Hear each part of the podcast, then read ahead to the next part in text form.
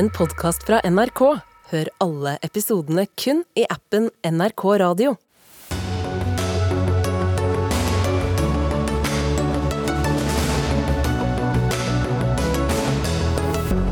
En storstilt kraftutbygging på kort tid skal eh, redde Norge fra kraftkrise og nå egne klimamål, anbefaler Energikommisjonen. Det betyr også mer omstridt vindkraftutbygging på land.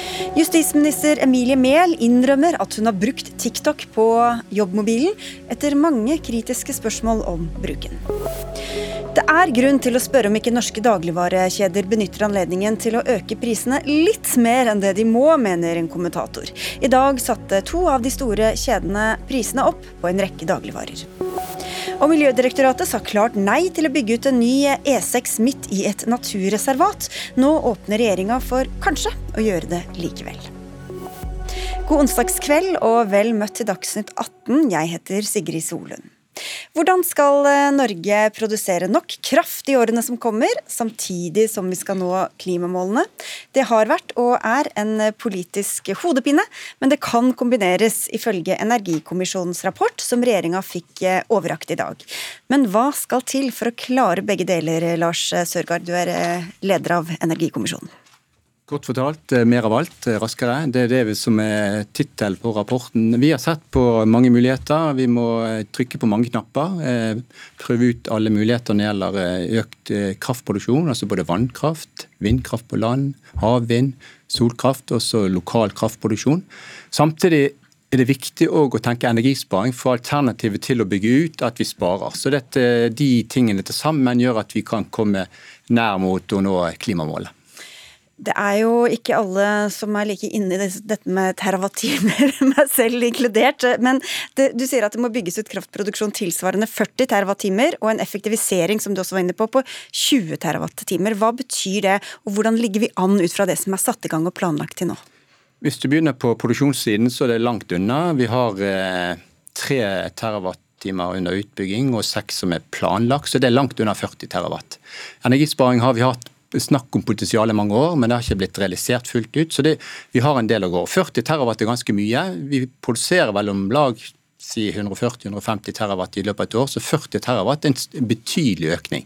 Så det er jo òg et spørsmål om vi kommer så langt, og om vi ønsker å gå så langt. Så det, det viktigste som kommisjonen har gjort, er å sette retning. Vi må opp med farten på utbygging. Må, det er taktskift som må til. Derfor så skal vi nå begynne å bygge ut på veldig mange forskjellige måter. Men det taktskiftet som energiministeren sikkert vil si at er i gang, det, det holder ikke sånn som det ligger an nå, i hvert fall? Nei, det må mer til. For eh, vi ser at eh, kraftforbruket øker ganske mye fremover mot 2030. Eh, det ligger prognoser, Alle prognoser sier at det øker ganske betydelig. Og skal vi, skal vi, ha et kraftoverskudd, som egentlig er en del av mandatet når vi skulle se på, eh, på kraftmarkedet, skal vi ha det fortsatt, så må vi øke produksjonen betydelig. Og vi må kombinere det med å spare energi. Det som ikke var en del av mandatet, var vel å se på prisene, men det er jo det veldig mange er opptatt av eh, om dagen. Men dere har litt sett, sett litt på hvordan disse omdiskuterte utenlandskablene påvirker prisene. Hva fant dere ut da? Altså, Vi har et langsiktig perspektiv. Det betyr at vi, skal ikke, vi har ikke bedt, blitt bedt om å eh, komme med løsninger på dagens energikrise. Men vi ser noen år frem i tid, og da vil sannsynligvis prisene prisen i markedet være nede til et mer normalt nivå, 50-60 øre. Og Poenget er at vi er veldig avhengig av import i tørrår. Eh, når, når det regner litt i Norge, så har vi for lite kraft. Og det kan bli enda mer akutt om noen år hvis ikke vi bygger ut. Derfor må vi ha disse utenlandskabler for å kunne forsyne det norske markedet. Så de er viktige, og minst like viktige i fremtiden. For klimaendringene betyr at Forskjellen mellom et såkalt våtår når det regner mye og tørrår blir større. Dermed er det enda mer behov for å bruke utenlandskabler når, når, når, vi trenger det. Enda mer behov å ha en buffer, dvs. Si å ha et kraftoverskudd. Og hvis Norge ikke klarer å få til all den utbyggingen som dere skisserer, hva skjer da? Det vil bety eh, høyere priser, sannsynligvis. Altså, det å ha kraftoverskudd i Norge betyr at vi kan ha noe lavere pris enn omverdenen hvis vi, hvis vi med, lykkes, med, kraftoverskudd. Hvis ikke, så vil vi få noe høyere priser. Og vi kan òg ha et i, år, i tørrår som er ganske sånn med veldig lite kraftproduksjon, så kan vi få ganske betydelig høyere priser enn utlandet. Du nevnte vindkraft, vannkraft, eh, sol, men ikke kjernekraft. Hvorfor går dere ikke inn for det? Vi har ikke diskutert den veldig grundig, men eh, flertallet sier at det ikke er aktuelt nå, men vi følger med på utviklingen. Vi ser på det som lite aktuelt. Hvis du, hvis du reelt begynner den diskusjonen, så tror jeg at den vil ikke ta av. Det vil ikke bli noe folkelig jubel for å få kjernekraft i sitt til nærområdet, tror jeg. Og folkelig jubel, eller i hvert fall en viss velvilje, er dere avhengig av, Terje Aasland. Du er olje- og energiminister. Nå skal du sikkert si at du skal lese rapporten grundig og ikke konkludere for fort, men hvor mye tid har dere egentlig ut fra hva kommisjonen viser? Nei, jeg synes egentlig eh, Tittelen på rapporten som utvalget leverte i dag, forteller alt. Mer av alt raskere. Eh, vi er godt i gang med alle, på alle områdene, egentlig. Men vi trenger å gjøre det mye raskere. Så det er en sterk påminnelse om at det haster å legge til rette for mer fornybar eh, kraft, mer nett og bedre bruk av energien. Så det er et uttrykk for det. Og det tar vi på alvor, selvfølgelig. Vi skal gjennomføre de tiltakene som ligger i rapporten og som raskt lar seg implementere. Og så skal vi samtidig holde fast ved det vi allerede har begynt på. Vi satser på havvind, gigantiske planer, like mye som hele det norske kraftsystemet. 30 000 megawatt skal bygges ut innen 2040. Vi er i gang med vindkraft på land. Vi må få kommunene trygge nok til å sette av areal, eh, sånn at de kan legge til rette for eh, vindkraft. Og så må vi få oppgraderinger, utvidelse av vannkrafta vår, og så må vi ha lokal energiproduksjon. Det er viktig. Og da må vi ha mer nett. Og der er vi i gang også med å bygge, legge til rette for at dette kan bygges mye raskere i tida framover enn det vi har gjort historisk sett. Det som eh, kanskje kanskje er mest eh, kontroversielt, eller i hvert fall har vært det, er jo denne vindkraftutbyggingen. Der var vel også kommisjonen noe delt eh, seg eh, medlemmene imellom. Men Terje Halleland, du sitter på Stortinget for Frp medlem, og medlem av energi- og miljøkomiteen. Ikke hør på kommisjonen når det gjelder vindkraft, sier dere. Hvorfor ikke? Ja, nei, vi, vi, er bekymra, og det som har bekymra oss uh, ut ifra det som, uh, som, kommisjonen kom med, uh, det er egentlig den fullstendig manglende satsingen som er på, på vannkraft. Der er det et potensial som, som nå ikke blir Da tenker du på verna vassdrag? Ja, Jeg tenker generelt på, på, på, både oppgraderinger og utnyttelse av det, det vannkraftanleggene som vi har i dag, men òg på å gi kraftselskapene mulighet til å gå inn i verna vassdrag og søke om, om konsesjon på der som det er mindre inngrep og, og, og god effekt. Uh, og, og, det som, for Hele problemstillingen med kraftmarkedet i Norge i dag er jo tida. Eh, og Hvis dette skal gå raskt, så er jeg veldig redd for at hvis vi nå skal satse på vind på land, eh, så kommer det til å bli en problemstilling. Nå, nå, nå gikk vi skoene av oss sist. Eh, store protester. Og jeg er redd for at hvis en ikke gjør den jobben skikkelig, at vi havner i den samme situasjonen opp igjen. Ja, og, og nå, jeg, jeg, bare få det til Aasland, for det var jo mange protester sist, og forrige regjering la jo mer eller mindre alt i skuffen. Hvorfor tror du det skal gå bedre denne gangen? Ja, De stoppa faktisk vindkraftutbygginga på land. Eh, og Det handla om at kommunene vendte seg mot regjeringen eh, og utbygging av vindkraft på land. Vi ønsker å gjøre dette sammen med kommunene. Nå gir vi kommunene et verktøy gjennom plan- og bygningsloven som eh, gjør at kommunene må gjøre arealavklaringer, altså avklare hvilke rammebetingelser som skal gjelde for denne konsesjonen før konsesjonen gis. Det betyr at kommunene kan være trygge på at det som omsøkes, det er det som bygges. Så Det er det ene poenget. Det andre poenget, som også er viktig, det er at det er mer av den verdiskapinga som faktisk da vertskommunen legger til rette for, mer av den må være igjen i kommunen. Det har også regjeringen sagt veldig tydelig. Nå har vi øka det bidraget. Kanskje vi må øke det enda mer i fortsettelsen, nettopp for å få kommunene med på det. For de også skal sitte igjen med gevinst av dette, og det er viktig. Og Det er, handler jo om økonomi, det handler om eh, selvråderett i kommunene. Men så er det jo også naturaspektet som mange miljøorganisasjoner er opptatt av. Sigrun Aasland, du leder Miljøstiftelsen Zero. Men dere er ikke like skeptiske som eh, mange av dine med, med andre, andre miljøorganisasjoner, i hvert fall. Nei, jeg synes for det første dette er en veldig fin rapport. Den viser jo at hvis vi skal nå klimamålene, som også er helt avgjørende for naturen, så må vi, som utvalgslederen har sagt, trykke på alle knappene. Vi må gjøre mye, mye mer på energieffektivisering. Og så må vi bruke alle energikildene. Og det er sol, og det er vind, og det er havvind, og det er vannkraft. Eh, men vi må selvfølgelig også gjøre det innenfor rammen av å ta vare på naturen. Og det de også viser er at Vi trenger ikke bygge de vernede vassdragene. Vi kan skaffe den kraften vi trenger, eh, som er før de vil bygge 40 TWh og effektivisere 20, det er omtrent det vi må ha for å nå klimamålene. Og få til nye grønne jobber, som jo alle vil ha. Um, og da uh, tror jeg det er viktig at alle politikere som er litt for noe og mot noe annet, tar inn over seg at her må vi bruke alle kildene. Vi må få fart på solutbygging, vi må få fart på energieffektivisering, som vi har snakket i mange år. Og så trenger vi alle de andre kildene også. Bare, bare, hvis du kan si noe om det mm, fra kommisjonens side. Hvis man gjør som Frp sier og bygger, satser mest på bare på vannkraft, hva skjer da? Hvis, hvis, du ser på vannkraft, så har vi sagt litt om det. Altså, det er potensial for å gjøre noe innenfor dagens rammer. Du kan ha oppgradering av dagens eh, vannkraft, dvs. Si ha eh, bedre turbiner. Du får mye mer effekt ut av det. Du kan, eh, du kan utvide dagens vannkraft ved, ved, ved, å bruke tilleggende dam, eller vann, vann og sånne ting, vassdrag. Du kan gjøre en del ting i vernede vassdrag, og så kan du ha pumpekraft. Så det, Du kan få 5-10 VH selv om du ikke går løs på vernede vassdrag. Men fortsatt ikke nok til å nå det kraftbehovet som vi får, eh, Halvdan? Nei, og det, det, det, som er Bekymringen vår er jo tidsbruken her. da. For, for eh, Hvis vi skal klare 40 TWh nå innenfor 2030, så er det kun vannkraft som kan gå forholdsvis kjapt. Eh, og, og, og, og med vindkraft og Men ikke nok? Det blir ikke nok?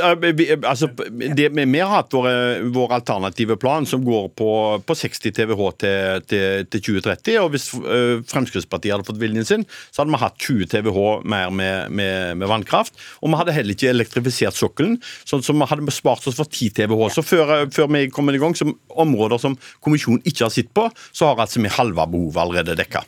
Det tar ikke lengre tid å konsesjonsbehandle ny vindkraft kontra ny vannkraft. og jeg kan garantere dere, eh, Terje Halleland, for at hvis han hadde satt i gang det dere ønsker, om å bygge ned verna vassdrag, ødelegge norsk, norsk vassdragsnatur som er eh, verna for ettertida, det, da hadde han fått folkelig motstand mot den også. Du åpna jo for det sjøl, bare for å Nei, minne om det. Nei, jeg sa veldig tydelig at vi ønsker å se på mulighetene for at eksisterende vannkraftanlegg som ligger i tilknytning til verna vassdrag, må se også på oppgraderinger og utvidelser. Og det mener jeg det er riktig å gjøre, fordi det handler om å utnytte den kapasiteten som er stilt tilgjengelig for vannkraftproduksjon på en best mulig måte. Dette vet statsråden utmerket godt om. Altså, Vi har ikke tenkt å bygge ned de verna vassdragene. Det vi ønsker, det er å gi kraftselskapene muligheten til å søke konsesjon okay. i verna vassdrag, der de ser at inngrep, inngrepene er, er, mindre, og effekten og gevinsten av, av energiproduksjon er stor. Men dere, Egentlig så skulle vi snakke om vindkraft og ikke så mye om vannkraft. Aasland, eh, hvorfor tror du det skal gå bedre denne gangen, da, etter alle bruduljene det var sist?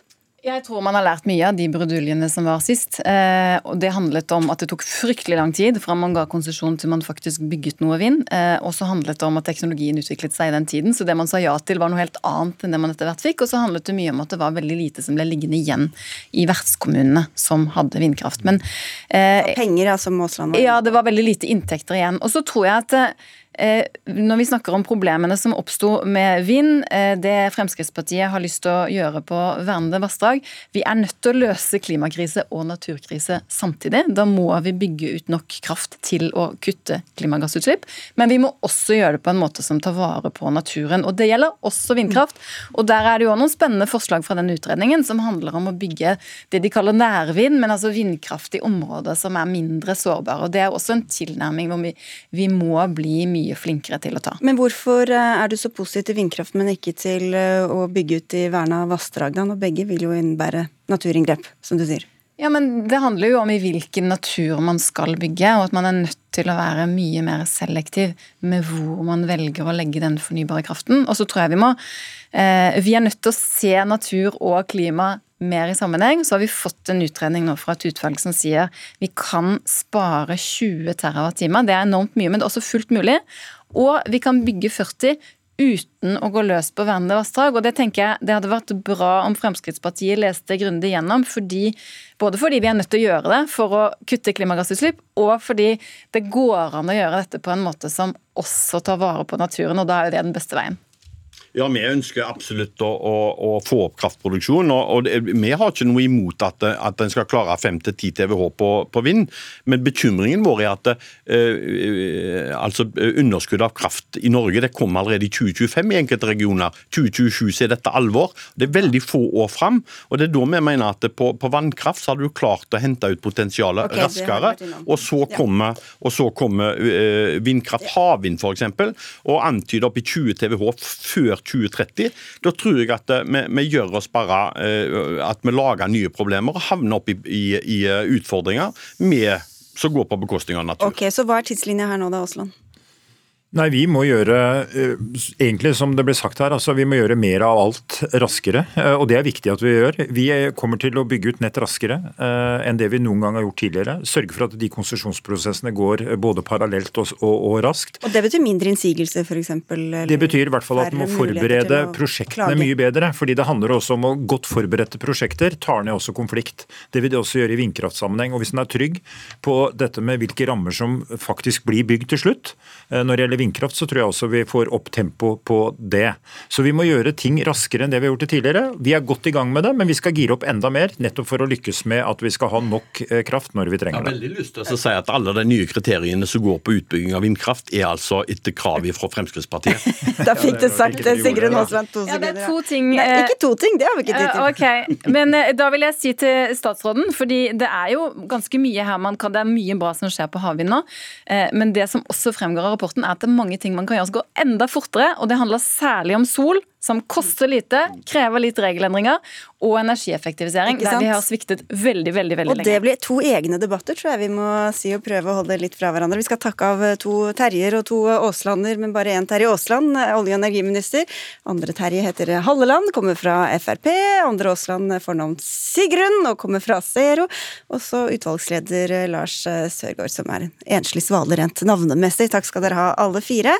Så skal vi få inn vår kommentator her, Lars Lars Nehru. Da må dere gå ut da, for at han skal komme inn. Tusen takk for at dere kom. Så langt kommisjon og rapport og motstridende argumenter. Hvis vi ser eh, det store bildet her, Lars Nehru Sand, politisk kommentator i NRK. Denne rapporten blir av flere beskrevet som en marsjordre. Hva slags marsj er det de skisserer?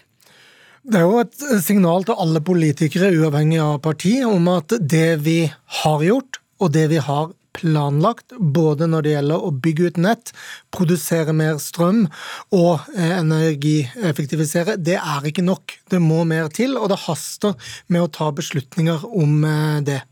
Og så var vi jo innom at det har vært veldig mange protester lokalt. Det er ikke så mange som har lyst til å ha disse vindturbinene i sitt eh, nærområde, men hva tror du kan skje der framover? Det spørs jo om eh, de lovendringene som, eh, som både er gjort og, og, foreslås, og de økonomiske insentivene til kommunene, om det er nok. Eh, det som uansett er veldig tydelig i hele denne rapporten, er jo det at man kommer ikke utenom at naturhensyn og klimamål blir satt opp mot hverandre.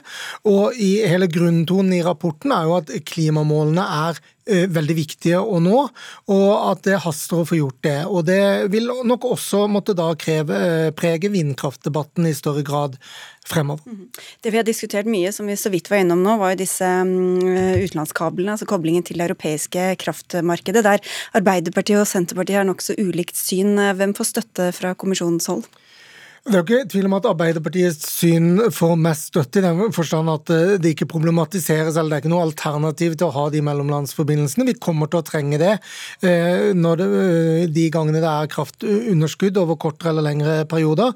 Men Kommisjonen er også tydelig på at man kan vurdere de avtalene, eller i hvert fall utrede hva som skal til for å eh, si opp kanskje spesielt kabelen til Danmark, for det første. Og for det andre utrede hvordan man får mindre prissmitte fra disse områdene i utlandet eh, enn man gjør i dag. Så langt er jo svaret på det at det handler om å sikre at vi har eh, en god tilgjengelig kraftproduksjon i Norge, sånn at vi er eh, selvforsynt og mer til med kraft.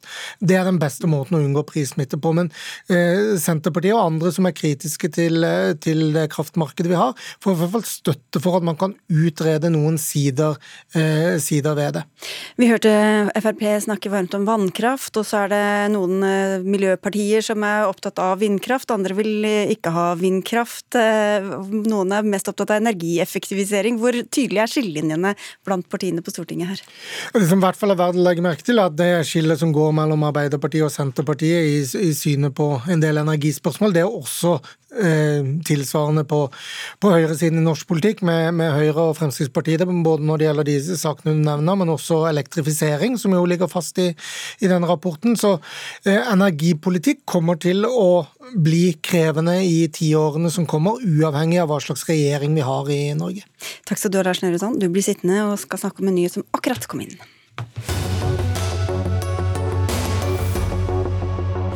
For rett før vi gikk i sending, så kom eh, nyheten om at justisminister eh, Emilie Mehl hadde den kontroversielle kinesiske appen TikTok på tjenestemobiltelefonen en måneds tid, sier hun, mens hun var justisminister. Det bekrefter hun til TV 2. Hun sier selv at hun har forsøkt å svare mediene og Stortinget så åpent som hun mener er klokt, men at hun også er bevisst på at all informasjon kan misbrukes. Og hva er det hun har innrømmet nå, Lars Nehru Sand?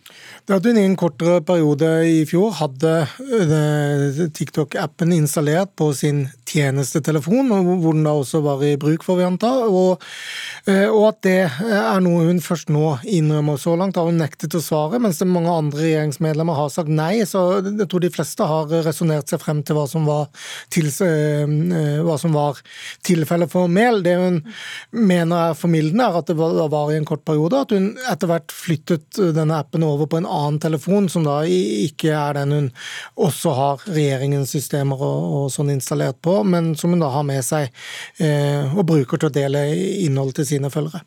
Martine Erdal, du er kommentator i Dagbladet, og dere har skrevet om den eh, TikTok-bruken. Hvorfor er dette problematisk i det hele tatt? Nei, for det, jeg kan, kan, først si at det er bra at eh, statsråder bruker eh, TikTok og sosiale medier eh, der de når ungdom som de kanskje ikke ellers når på andre plattformer. Men det er overraskende på grensen til sjokkerende at de ikke har etablerte rutiner for å ha egne telefoner og utstyr til å gjøre dette på. Nå har jo Mehl Eh, innrømmet å ha hatt det på tjenestetelefonen, men hun har jo svart Stortinget skriftlig ti ganger på spørsmål fra Frp gjennom høsten og vinteren uten å svare dette. Så den åpenheten som hun mener er klok, kan jo framstå uklok for mange andre. Og det er jo rett og slett fordi at eh, for at denne appen skal virke, så må den ha tilgang til veldig mye informasjon på telefonen din, bl.a. til kamera og til mikrofon. Og kinesisk sikkerhetslov tilsier at alle kinesiske selskaper eh, har eh, en plikt til å utlevere informasjon til kinesiske myndigheter. Hvor alvorlig vil du si at dette er, da? Det er alvorlig fordi at uh, kinesiske myndigheter da kan sitte på uh, all informasjonen fra uh, justisministerens mobiltelefon. Nå er det jo slik at Statsråder skal ikke ha gradert informasjon lagret på telefonene sine, men de har jo tilgang til departementets e-postsystem f.eks. Vi fikk jo opp mye av dette i forbindelse med den kortvarige fungerende justisministeren Per Sandbergs tur til Iran. Så, ja, da hadde han med seg da, jobbmobilen og brukte den ganske ureglementert på ferie? Ja, eh, og da var jo mye av dette oppe. Eh, og for fremmede makter, eh, som det heter, så er jo også mer vanlig informasjon som kontaktlista, hva man bruker tiden på, hvor man er, også interessant for deres sikkerhetstjenester. Han måtte jo gå av, den nevnte Per Sandberg etter hvert. Hvor alvorlig kan dette bli, Lars Nehru Sand? Venstre er ute og reagerer allerede. Ja, og opposisjonen mener at dette er en uh, sak som svekker tilliten til Mehl. Så kan det jo være at opposisjonen vil resonnere slik at en svekket statsråd av og til kan være vel så bra som en avgått statsråd. Uh, men uh, for Mehl så er dette en rip i lakken og, og, noe man må se med alvor på, også fordi hun som justisminister har et særlig ansvar for å, å, å være et forbilde, ikke bare når det gjelder bruk av sosiale medier, men også når det gjelder det å tenke elektronisk sikkerhet og IT-sikkerhet, eh, i en tid hvor, hvor, det blir en stadig større del av, av trusselbildet mot, eh, mot Norge. Vi får ja. Kan det jo hende at det også vil bli stilt spørsmål ved om eh, justisministeren her har brukt sin, brutt informasjonsplikten til Stortinget, siden hun har fått altså ti skriftlige spørsmål eh, om dette og unnlatt å svare like mange ganger. Det kommer nok eh, noe fra Fremskrittspartiet etter hvert også, får vi se hva det blir, hvordan de reagerer. Takk skal dere ha begge to, Lars Nehru Sand og Martine Aurdal. Nå er det du som skal bli sittende her, eh, Aurdal.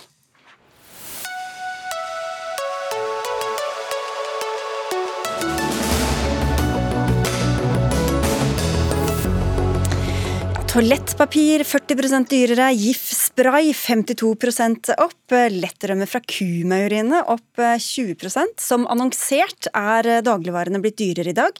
I hvert fall hos Rema 1000 og Coop Extra, som i snitt har økt prisene med 8-10% Kiwi har foreløpig holdt igjen, skjønt de for to dager siden satte opp prisen på brokkoli med 124% bare for å ha med det. Cecilie Lange Becker, du er økonomikommentator i NRK. Vi må altså bruke stadig mer penger på mat, men hvor forsvinner alle pengene?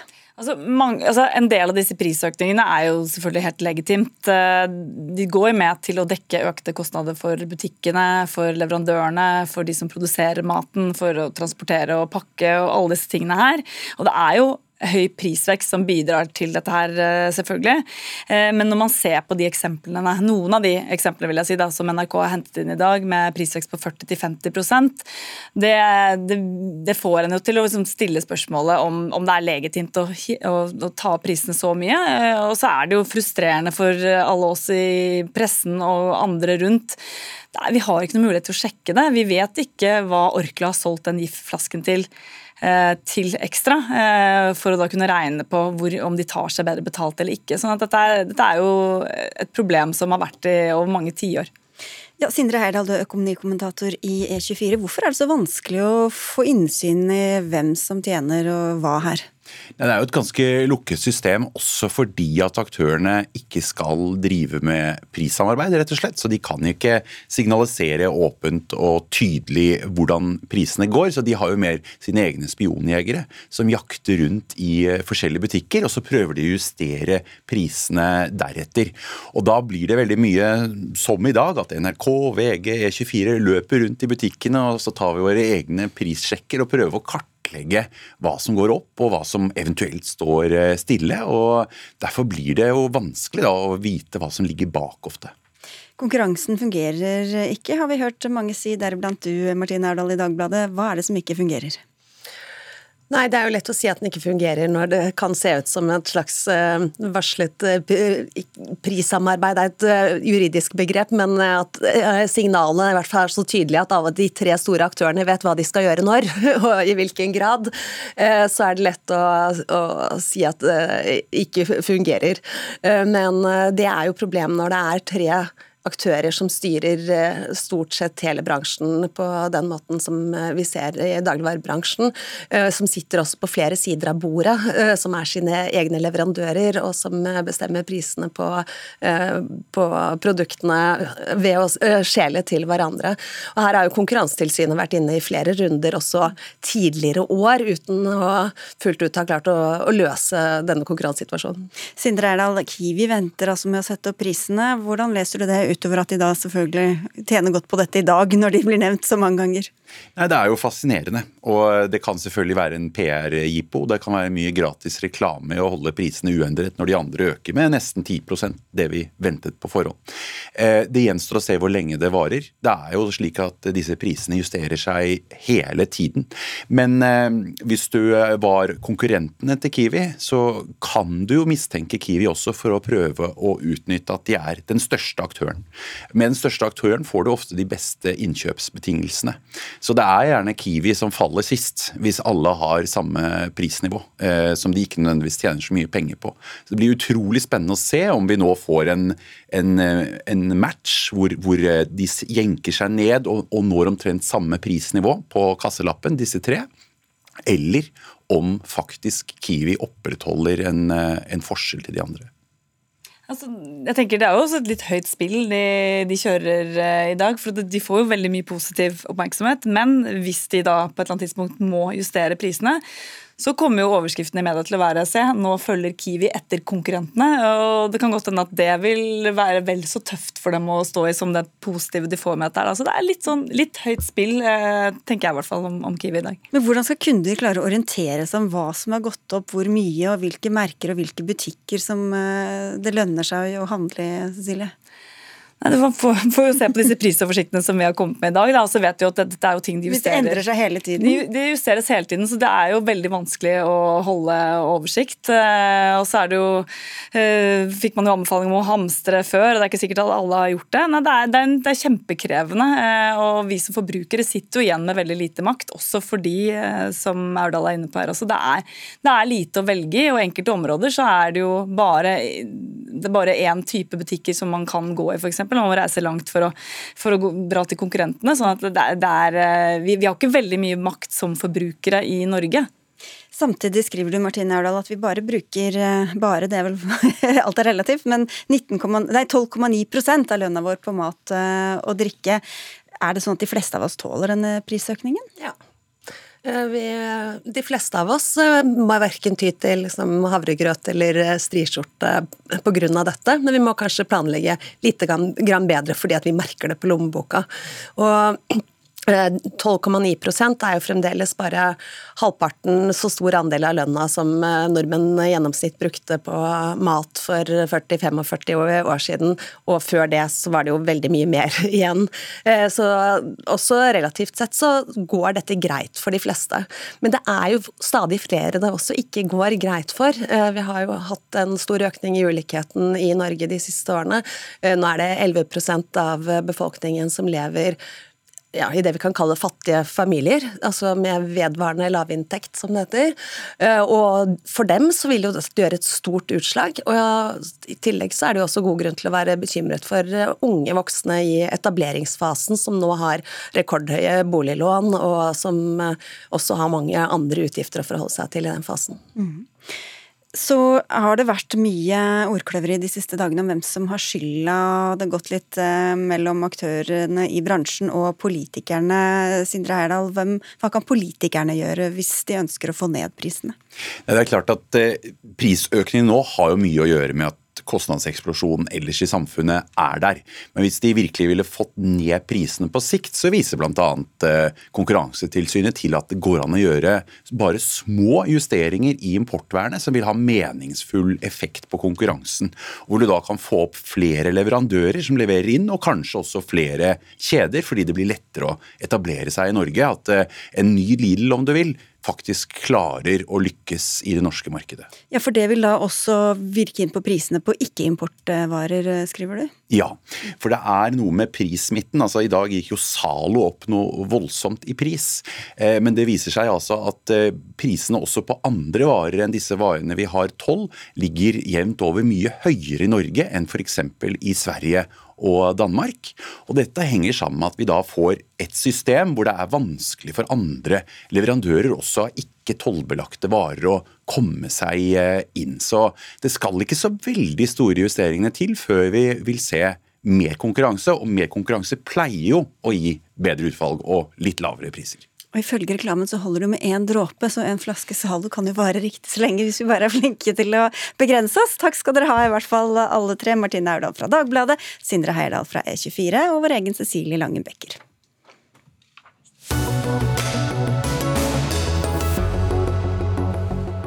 Er alle unge gutter gutter og menn ofre for et pornosamfunn? Ja, det kan jo i hvert fall virke sånn ut fra hvordan du beskriver kropps- og sexpress blant menn, Jens Kiel.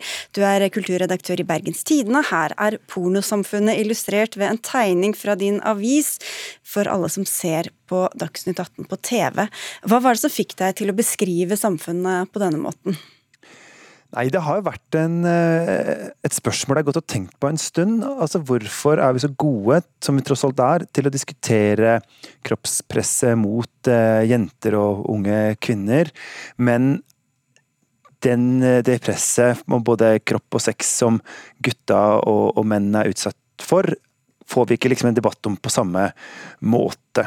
Og så så jeg den ellers glimrende NRK-serien Evig og alltid der dette ble tematisert i en scene hvor Evy da eh, eh, går ned på en gutt som av alle ting heter Jens, og så eh, gjør narr av eh, penisen hans. Og så tenkte jeg at dette er jo liksom ikke greit, da. Eh, hvorfor, hvem er det som skal bestemme at, at, menn skal være så flaue for penisen sin og eh, ha så mye komplekser for, uh, for, kroppen. Og hvorfor vet vi så lite om det mm. som vi foreløpig gjør i, i Norge? Jarle Mong, du er lærer ved Framnes kristne videregående skole og firebarnsfar. Og du svarte Jens Kiel i samme avis. Eh, hva var ditt budskap? Nei, altså jeg vil jo egentlig berømme Kiel for at han, at han lufter debatten på dagsorden. Jeg er jo egentlig enig i, i Kiels diagnose og hans beskrivelse av, av samfunnet som et, som et, et pornosamfunn. Det, det, er en beskrivelse jeg syns passer ganske godt. Men, men, der meg og Kiel kanskje skiller lag, det er jo i forhold til, til medisinen, da. Eh, og der tror jeg eh, Jeg tenker jo mer eh, denne sykdommen Skal en finne ut for, hvordan en skal skrive ut rett medisin, så må en finne ut hvorfor en er syk. Og det der, der jeg mener Kiel eh, halter litt. Og jeg er ikke enig i i den medisinen da Kiel utskriver, som, som i stort sett bygger på mer informasjon og kunnskap. Jeg tror jo det er andre der er, Hadde det vært så enkelt, så hadde det egentlig vært greit, men jeg, jeg tror ikke det er så enkelt som å bare informere. Nei, Du skriver at løsningen kan ligge i en gud å tilbe, en familie å forsørge, en kone å elske og en familie å bygge. Hva vil du med det? Nei, jeg, ja, eh, for meg er jo Jeg, jeg tenker jo at det er jo det er jo da spor av den, av den, den sunne og gode maskuliniteten. og Jeg, jeg tror vi må børste støv av, av disse dydene som, eh, som maskuliniteten eh, var bygga på før. da, Som selvbeherskelse, forsakelse, ærlighet, rettskaffenhet, plikt, ansvarsfølelse osv. Ydmykhet, forpliktelse, trofasthet osv. Så, videre. så jeg, jeg tenker jo at fotballtreneren som, som tar, blir sertifisert på et eller annet eh, kroppspresskurs, det er ikke det disse ungene, eh, eller unge guttene eller unge menn trenger. Det de trenger, er en fotballtrener eller, eller fedre som kan modellere noe annet. Eh, som, som, kan ta dem på alvor, som kan bekrefte dem, og som ikke minst da kan, eh, kan vise vei mot, mot eh, noe større enn eh, enn sin egen, altså Kiel bruker jo uttrykket 'kuk', som ikke er så vanlig i mine sammenhenger, men det, det, det, passer, det passer, greit her i denne sammenhengen. Men, men, men en trenger forbilder, rollemodeller, som, som, klarer å vise unge menn at det handler om mye mer enn en kuken. Ok, Jens Kiel? Ja, nei, jeg har jo verken en uh, gud å tilbe eller en uh, kone å elske. Jeg har jo en, en mann, da. Men jeg tror jo at, uh, at Mong og jeg er enige om mye, som han sier. og at et, nettopp dette med at i et samfunn der mange av de ytre problemene er, er løst, så vender vi blikket innover for å finne og ser etter nye uløste problemer. Men jeg tror jo at vi må anerkjenne at det presset kommer Eh, utenfra. Eh, fra oss i media, fra influensere. Og eh, så er jeg nok enig med mange i at altså, mine forslag til løsninger trenger ikke være de beste. Jeg har Jeg tenker jo at problemet altså Det at løsningene mine kanskje ikke er gode nok, handler også om at vi ikke veit nok. Men jeg er nok, der jeg nok er uenig, er jo at vi har et bedre syn på maskuliniteten i dag enn vi hadde for en generasjon eller tre siden. I den forstand at den er breiere, det er flere måter å være mann på, det er flere måter å lykkes som mann på. F.eks. at det å være en familiefar ikke lenger er et krav, eller eh, du kan gå ned i en i stilling mens kona er eh, karrierekvinne hvis de lever heterofilt. Altså, det er mye bra med det, da. Eh, så jeg tror jo at den eh, den utviklinga som har skjedd i maskuliniteten på den måten, er i hvert fall mm. god. Og En del av dette har jo også handlet om en frihetskamp, om seksualitet, Jarle Mung, men da sier du at hvis den ikke har rammer, så kan den ende opp i narsissisme. Hva mener du med det? Jeg, jeg tror det, hvis, hvis, en, hvis en reduserer seksualitet til å handle om fysiologi og kropp, da, så tenker jeg det er helt naturlig at dette her kroppspresset eh, kommer. Men jeg, tenker jo at seksualitet handler om mye mer enn det. og det handler om det handler om sjel og ånd. og det handler om, for meg, Jeg tenker at seksualiteten er et uttrykk for, for kjærlighet mellom, mellom, to hengivne mennesker som gir seg til hverandre. Eh, mens, mens eh, en, i forhold til normoppløsningen som eskalerte spesielt kanskje fra 1960 utover, der blir det mer normalisert at en har sex utfører en forpliktende relasjon. Eh, mens tidligere var jo ekteskap den naturlige rammen for, for seksualitet. Så jeg tenker jo at det er helt naturlig at det kroppspresset kommer når en løsriver seksualiteten ifra, ifra relasjonen og kjærligheten. Tror du det, Jens Kiel? Altså, både ja og nei. Altså, Mong svarte jo meg i BT, da. og eh, I tomhetens værelse, der vinduene med utsikt over en større horisont ikke finnes, der og bare der kan kampen om kuken utspilles, som Mong skriver. Det er jo ganske Dette er jo veldig bra da, skrevet. Jeg blir jo veldig glad for at vi har så gode tekster i BT. Men vi ser jo at mange gutter, unge menn, de faller utenfor på forskjellige områder i samfunnet. De føler at de ikke lykkes. Eh, og jeg tror kanskje det er vel så mye der vi må se at eh, jeg opplever jo ikke samfunnet vårt som særlig normoppløst i det hele tatt. Jeg opplever det som et samfunn fullt av normer, men kanskje litt andre normer enn, en før. Eh, men at de gutta som nå ikke lykkes på skolen, og som derfor kanskje tenker at de kan lykkes på steroider på treningssenter i stedet, de burde få et alternativ til en sånn type usunn kultur. Og den tror jeg nok kanskje at mange er helt enige om at den kan de få gjennom gode farsidealer, trenere, kamerater som kan vise en annen vei. Men dette er jo et sånn det finnes jo sikkert ikke én løsning her som funker for alle. Vi er jo forskjellige mennesker alle sammen. Det får bli siste ord. Takk skal dere ha for at dere løfta debatten fra Bergens Tidende spalter og opp til Dagsnytt 18 eh, i forhøyet form, hadde jeg nær sagt. Begge to, Jens Kiel, kulturredaktør, og Jarle Mung, som er eh, lærer ved Framnes kristne videregående skole.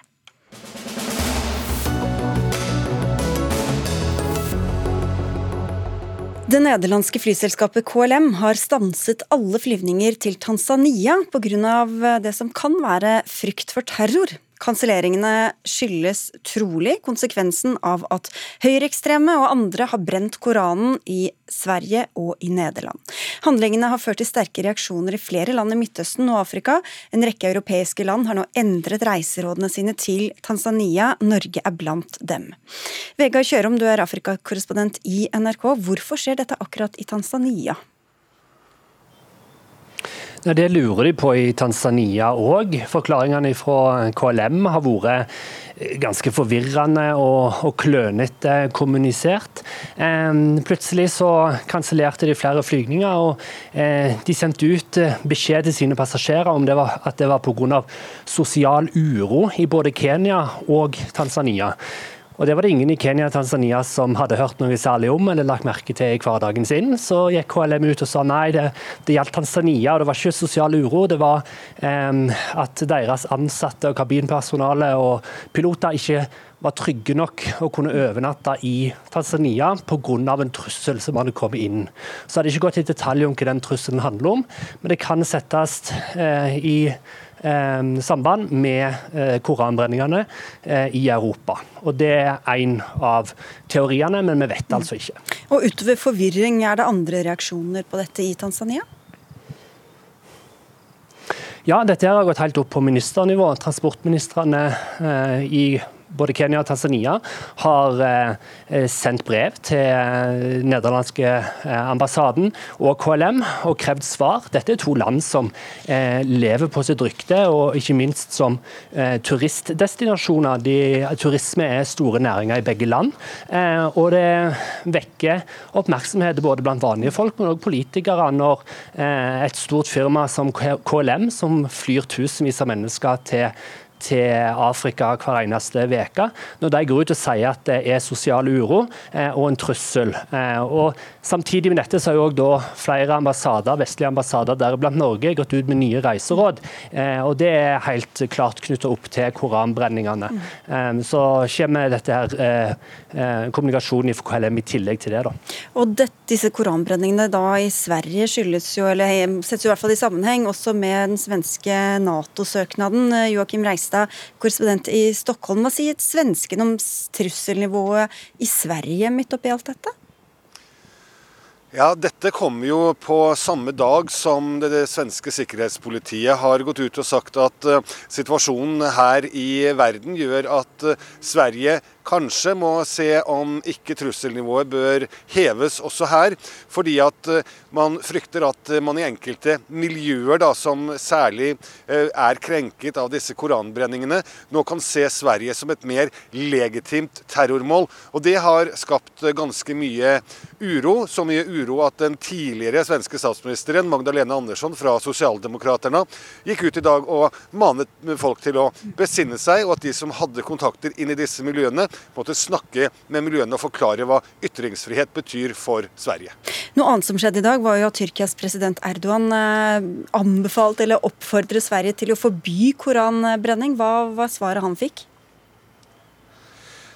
Det er ikke aktuelt. Enkelt og greit. Eh, Sverige sier, og utenriksminister Tobias Billström sier helt tydelig at eh, ingen andre kan diktere eh, svensk politikk på dette området her. Ytringsfriheten står veldig sterkt i eh, Sverige og skal fortsatt gjøre det.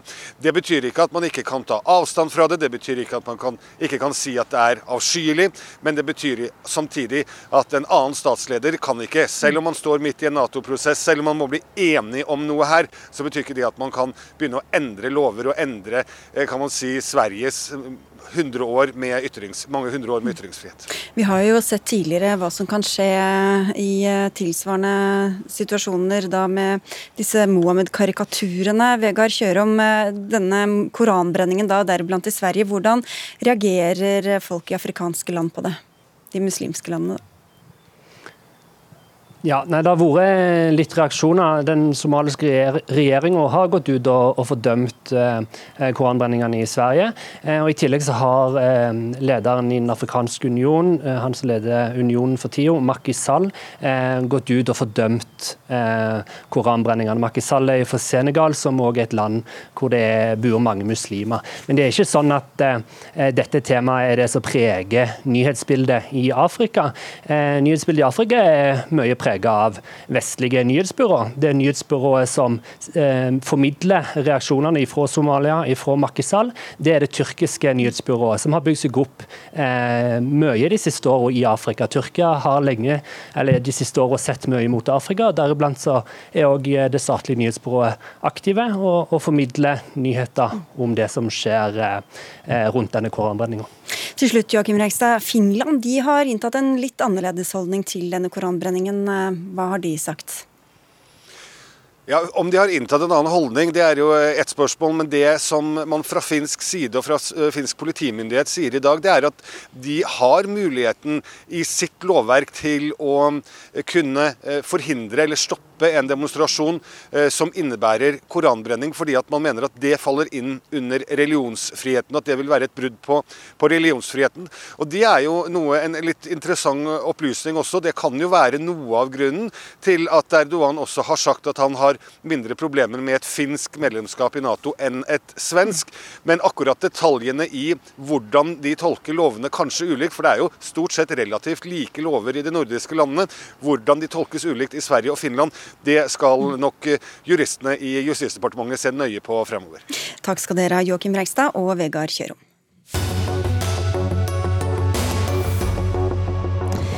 Mange naturvernere jublet da Miljødirektoratet nylig satte foten ned for en del av det nye E6 gjennom Innlandet. Flere hundre millioner kroner er brukt på å planlegge strekket mellom Moelv og Øyer med en ny bro over Gudbrandsdalslågen i naturreservatet Lågendelta. Men jubelen stilnet da det kom fram at regjeringen vurderer å sette vernet i våtmarksområdet til side. Og Lars Haltbrekken, stortingsrepresentant for SV, hva tenkte du da du fikk høre denne reaksjonen? Jeg tenkte da? Jo, da tenkte jeg at her har regjeringa fått servert en miljøseier i fanget.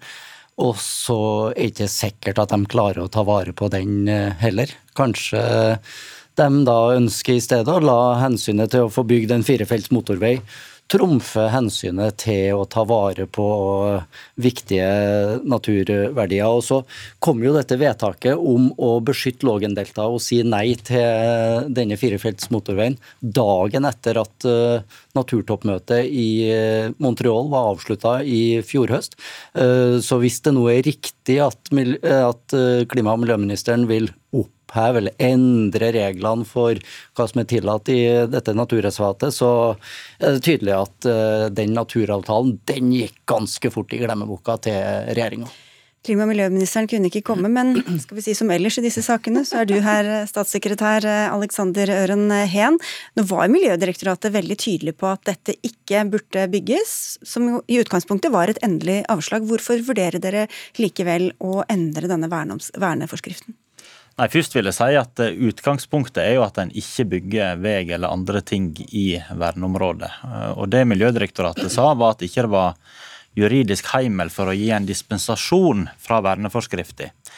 Eh, og Så peker Miljødirektoratet videre på at hvis en skulle gå videre med dette veiprosjektet, så burde en endre verneforskriften. Det var det Miljødirektoratet sa. Og Det er det regjeringen som eneste kan Det er kun regjeringen som kan gjøre. Eh, og så har jo eh, vi det dilemmaet at vi ønsker å ta vare på både natur Eh, og vi ønsker òg å utbedre veistrekningen på E6, for det er det et stort behov for.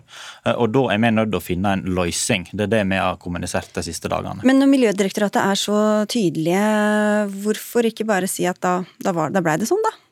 Det er fordi at vi er nødt til å utbedre denne veistrekningen som har veldig mye trafikk og som trenger utbedring. Eh, det går på trafikksikkerhet og andre grunner. Og så må vi sørge for at naturen ikke blir skadelidende eh, av at den går videre. Så Det er jo mange ting jeg kan gjøre òg med den planlagte traseen for at naturen skal komme bedre ut enn den gjør med det som er planlagt. Eh, og som en ville gjort hvis dispensasjonsvedtaket fra statsforvalteren ble stående. Ja, for det har jo kosta masse tid og penger og ressurser, Lars Haltbrekken, og mange år som har gått med, mange millioner som har gått med til å planlegge dette strekket. Hvorfor ikke prøve å se om man kan finne ut en måte å kombinere dette på? Derfor så burde jo Nye Veier ha skjønt allerede fra starten av at man ikke planlegger en firefelts motorvei gjennom eh, naturreservatet. og Det er sterkt kritikkverdig av Nye Veier eh, å planlegge det og søle bort mye av Nå er ikke de her, samfunnets så vi kan penger. la dem eh, Nei. ligge. Men så syns ikke jeg at regjeringas politikk helt henger på greip her. I Hurdalsplattformen så står det at hensynet til natur og klima det skal være rammen rundt alt de gjør.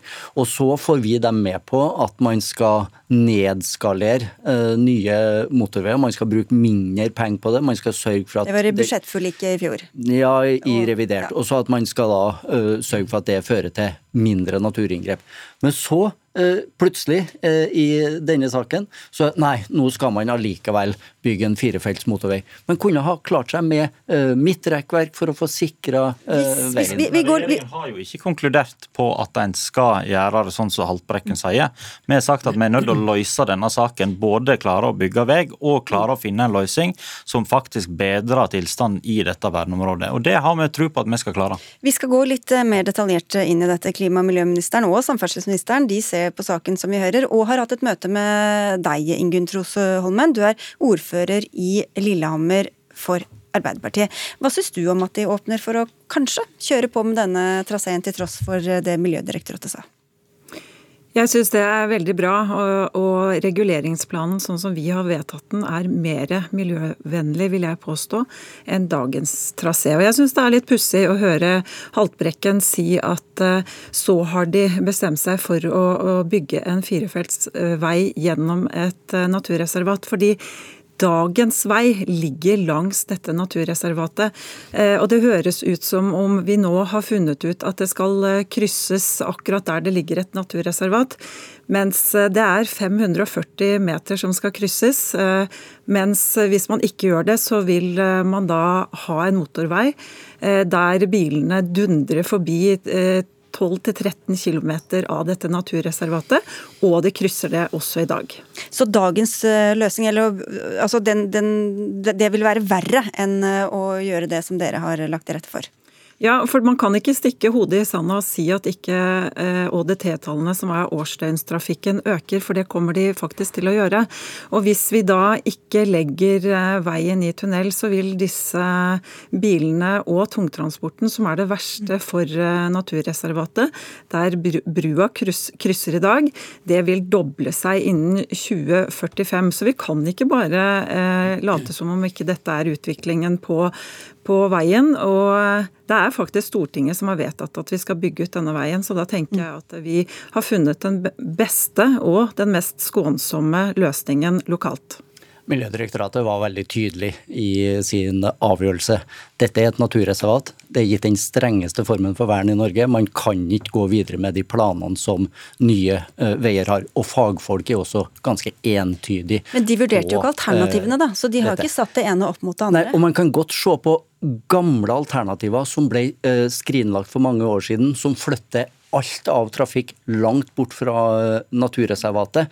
Eh, det kan man jo eh, godt se på. Men vi står i en litt artig situasjon her, faktisk. For at det vi opplever, er jo at det er Arbeiderpartiet lokalt som ønsker å overkjøre hensynet til naturvern, naturvernet. Eh, mens Senterpartiet eh, lokalt òg eh, ønsker da i stedet å stå på naturens side. Så, og det er jo ikke noe som vi bestandig er så vant med, men eh, her er det jo da Senterpartiet som i hvert fall lokalt Altså, forsvarer altså naturen, mens Arbeiderpartiet ønsker Ja. å, å, å overkjøre det. Trosholmen, hvis man ikke skal holde på vernet i dette unike området, hva er naturvern verdt da? Ja, Først har jeg lyst til å kommentere litt på at uh, dette Men Bare ta det overordna først, så skal du få komme til det. Ja, hva, altså... men, men, man snakker om, at det er én side som har lyst til å ta vare på miljøaspektene her, og så den andre sida vil ikke det. Men jeg mener jo at det motsatte. Det er rett og slett mer miljøvernfaglig.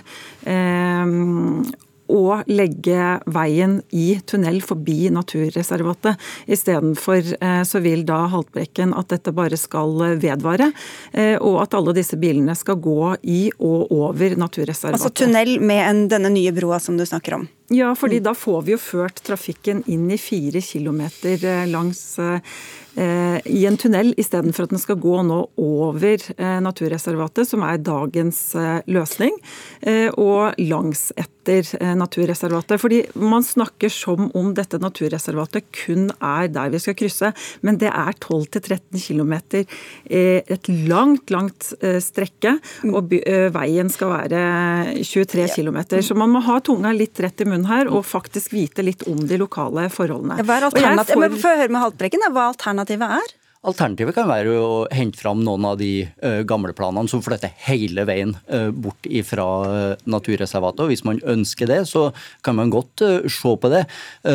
men vi snakker jo her om det, det som ordføreren snakker om, er jo et nytt inngrep i eh, naturreservatet. Og det sier Miljødirektoratet at det kan man ikke gjøre, med mindre man da endrer reglene eh, og forskriftene for okay. Eh, naturreservatet. Ja. Og hvis man begynner med det, det, så er jo ikke naturvernet Nei. så veldig mye verdt lenger. Og Det er jo det dere vurderer nå, Hen. Men hva er det dere ser på? egentlig? Ser dere også på andre traseer enn det Miljødirektoratet har tatt stilling til? Først vil jeg si at skal du bygge ny vei E6, så må du krysse Lågen. Eh, og i enden av Lågen så er det et naturreservat. Det er liksom to ubestridelige faktum du ikke kommer forbi. Eh, da må vi klare å gjøre det på en måte som gjør at naturen ikke kommer skadelidende ut, og det er vårt utgangspunkt. Det vi ser på da, er alternativet den traseen som er valgt, som kan forbedres for at naturen skal komme bedre ut. Eh, er det andre avbøtende tiltak vi kan gjøre i det samme området som gjør at konsekvensene av ei ny bru blir blir mindre eh, ved at du kanskje fjerner noe annet. Eh, at du får leda trafikk vekk fra den gamle brua f.eks. Det kan være en rekke sånne tiltak som i sum gjør at naturen faktisk kommer bedre ut, og at de verdiene som er i dette eh, området, eh, kommer styrka ut av det. Så, så, det er ikke så svart-hvitt som, som eh, Haltbrekken vil ha det, at du liksom setter ene til side og bare durer på. Nei, det er ikke det vi skal gjøre. Vi har skrevet under naturavtale. Naturen er faktisk viktig. Eh, og Da skal vi klare å ta omsyn til både det og at vi får en ny E6 i Gudbrandsdalen. Men hva med å snevre litt inn på veien da, Trosholmen? ikke ha den eh, dimensjonen som det er lagt opp til nå? Det er jo ingen som har sagt at ikke denne veien er nedskalert, eller at vi ser på miljøtiltak. og Det er det som er litt pussig i denne saken, fordi man snakker rett og slett ikke kunnskapsbasert. Man snakker overordna, prinsipielt. Vern, ikke vern. Man snakker om det er noen som er for og imot natur. Og det stemmer rett og slett ikke den saken. Eh, blant annet så vil da 17 høyspentledninger som da går over Lågendeltaet, Lågendelta, kunne legges i brukaret. Og det vil spare veldig mye fugleliv i Lågendeltaet, noe som faktisk verneforskriften er øh, til for, og det er at vi skal ta vare på hekkende, trekkende og overvintrende fugl. Så det er veldig mange aspekter ved denne saken som jeg mener ikke har kommet fram, og man kan ikke ha disse overskriftsaktige utsagnene eller bare snakke om prinsipper, for det, det gjelder faktisk ikke eh, i dette området. Du trenger ikke å bygge en eh, svær motorvei for å få gjort noe med de eh, høyspentlinjene. Dette er en form for grønnvasking av prosjektet. Og det som vi ser av av tunge fagfolk som har uttalt seg om dette, så ser de at dette uh, prosjektet går på bekostning av de viktige naturverdiene uh, så vet Haltbrekken i, i området. Nå var det jeg som, som snakka.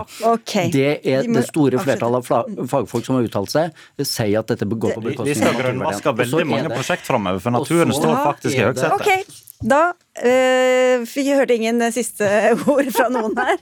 Sånn blir det iblant. Nå er sendinga over. Takk skal dere ha, i hvert fall alle tre. Lars Haltbrekken fra SV, Alexander Øren Heen fra Senterpartiet og Klima- og miljødepartementet, og Ingunn Trosholmen, som er ordfører i Lillehammer for Arbeiderpartiet. Dagsnytt 18 er ved veis ende. Anne Katrine Førli, Helge Svensson og jeg, Sigrid Solund, sier takk for følget og god kveld.